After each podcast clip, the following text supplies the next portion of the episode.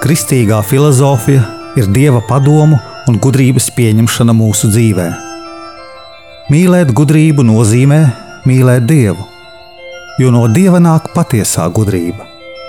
Raidījums Kristīgā filozofija.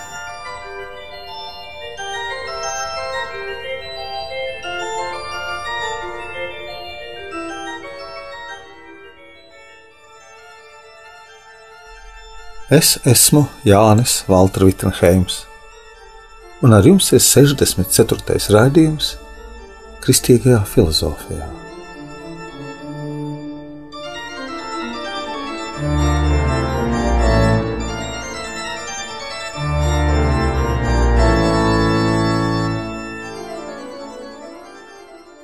Dievs mīl cilvēku.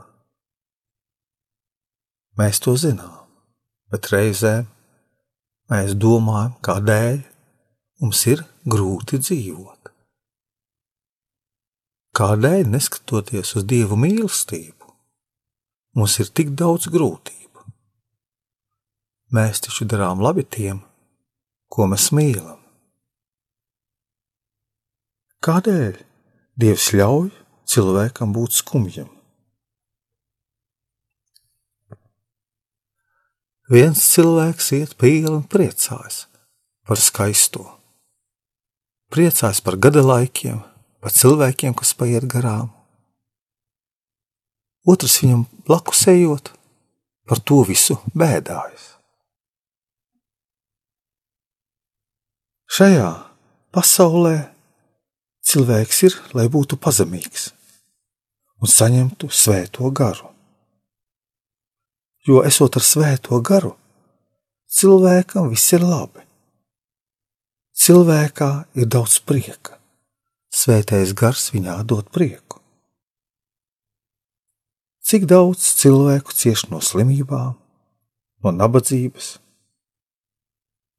Mēs sakām, mums daudz ciešanu. Dievs saka, samierinies, un tavas ciešanas pārvērtīšu mierā. Mēs daudz ciešam no lepnības. Kaut sevi par lepniem neuzskatām. Bet mums liekas, ka mēs izējot uz ielu, esam sliktās drēbēs, varbūt nemodernās. Mēs baidāmies citreiz pārkrustīties pie cilvēkiem, kas mums ma mazāk vai vairāk pazīstami, jo ko citi par mani domā. Tas ir lepnums. Nabadzīgi cilvēki bieži seko bagātiem, lai kļūtu bagāti, seko saviem ideāliem,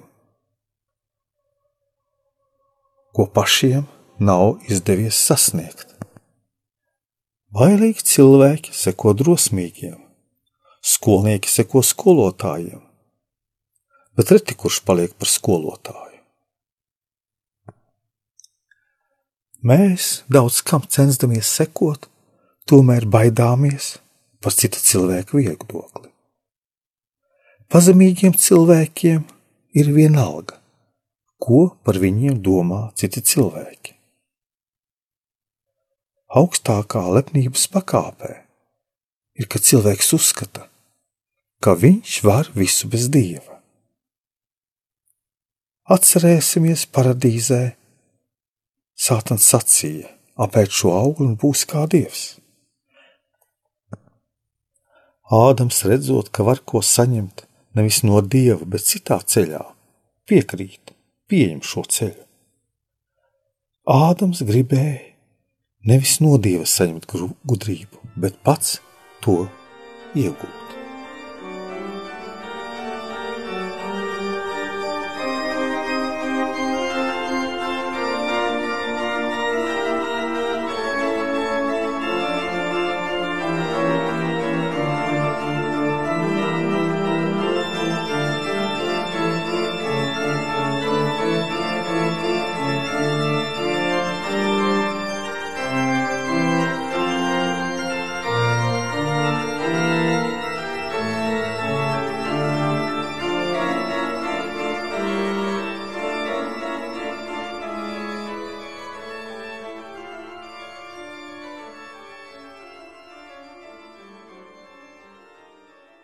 Lepnība ir, kad cilvēks grib saņemt labumus, bet bez dieva.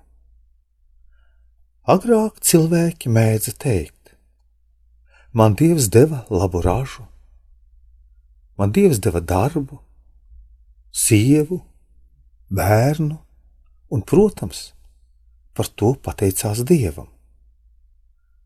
Pamazām ir pamainījusies domāšana. Mums nav laba raža. Mēs sakam, dabūsim, nav darba, iegūsim, iegūsim arī sievu un bērnu, nav veselības, dabūsim arī to. Pat varam dabūt veselību pie ārstiem par naudu. Dodam lielu naudu, bet veselību tomēr nevaram dabūt tik, cik mēs vēlamies. Mēs nevaram būt pilnībā veseli. Kaut kad atnāk nāve un mūs paņem. Tagad cilvēki bieži krīt depresijā.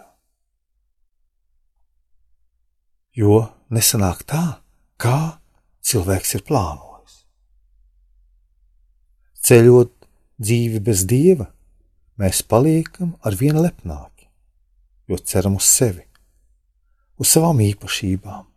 Mēs esam gudri, izveicīgi, talantīgi, ceram uz saviem sakariem. Visas skumjas mūsu dzīvē ir, lai mēs saprastu, ka cerējām uz sevi, nevis Dievu.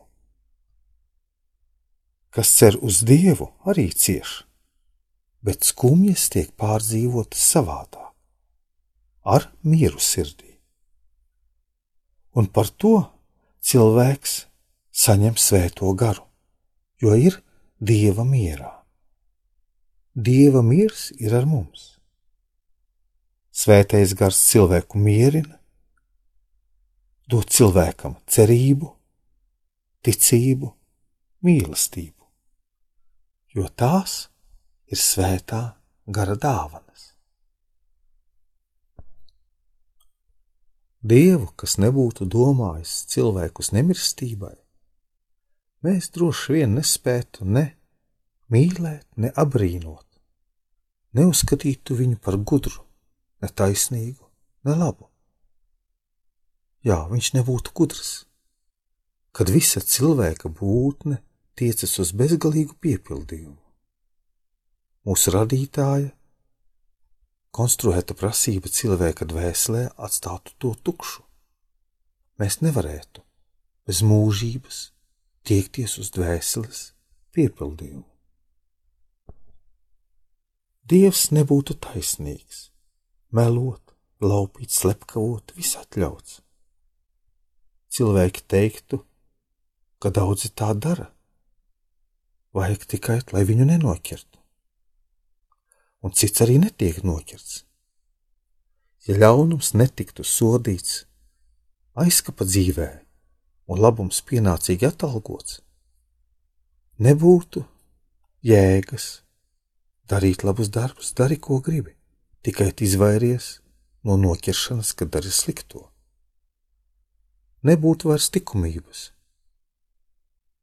nebūtu vairs taisna dieva stiprie ļaunie triumfētu, labie ciestu.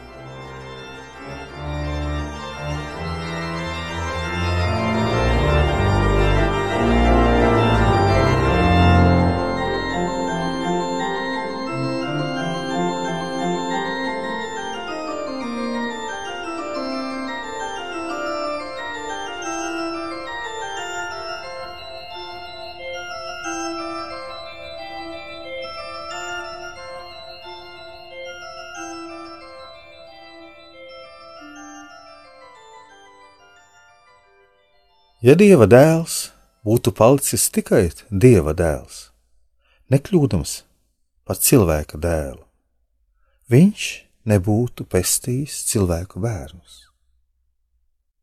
Tā saka Svētais Augustīns. Kristus cilvēciskums ir ceļš, pa kuru mēs nokļūstam pie Dieva. Svētais Akvīnas Toms redz šo ceļu. Tā ir patiesības mīlestība, patiesība, ko dod mums Kristus, un parāda ceļu uz debesu valstību. Mūsu dvēseles pestīšana ir pilnīgi brīvs dieva akts. Viņš to nebija parādā nevienam, ne mums cilvēkiem, ne kādam citam.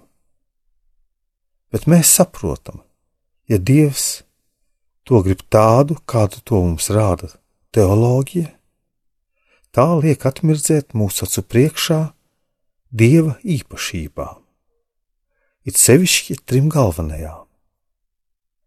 Tas ir ticība, cerība un visām mēs saskatām viņa bezgalīgo mīlestību, kas ir ne no šīs pasaules, bet gan dieva dāvana un mūžīga. Katoļu izskaidrotā pestīšanas mācība dara dievu mums tuvāku. Ja pestīšanas mistērija kļūst mums par iejaunojumu, tas tikai tāpēc, ka mēs pazīstam tikai filozofijas abstrakto dievu, bet ne dzīvo un konkrēto dievu. Reliģija nesagrauj filozofiju, bet gan to papildina, dot tai jēgu.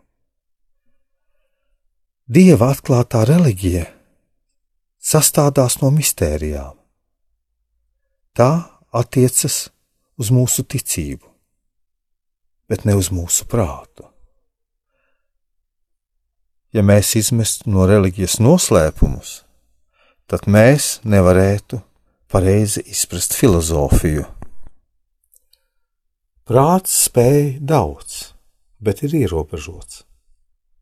Ja prātam īpašā veidā palīdz Dievs, tad prāts var zināt vairāk, drošāk un tieši. Dieva īpašās pārdabiskās iejaukšanās dēļ, kas iespējams kā teorētisks pieņēmums, to kā faktu apliecina Dieva atklāsmes avoti.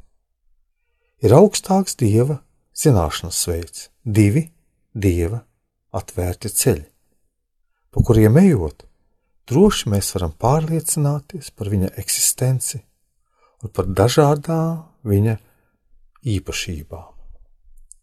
Pirmais ceļš - dievam runājot, un mums viņa runai ticot. Ticības ceļš. Otrais - dievam parādoties un mums viņu redzot. Dieva redzes, jeb svētlaimes, vīzijas ceļš. Cilvēks nespēja sasniegt pārdabisku mērķi, ar saviem dabiskiem spēkiem. Ir vajadzīgs īpašs ceļš. Tā ir Dieva palīdzība. Tā ir pārdabiskā Dieva žēlastība. Un tās atbalstīts un pasargāts, cilvēks iet uz Dieva nospraustu mērķi - mūžīgu dzīvi.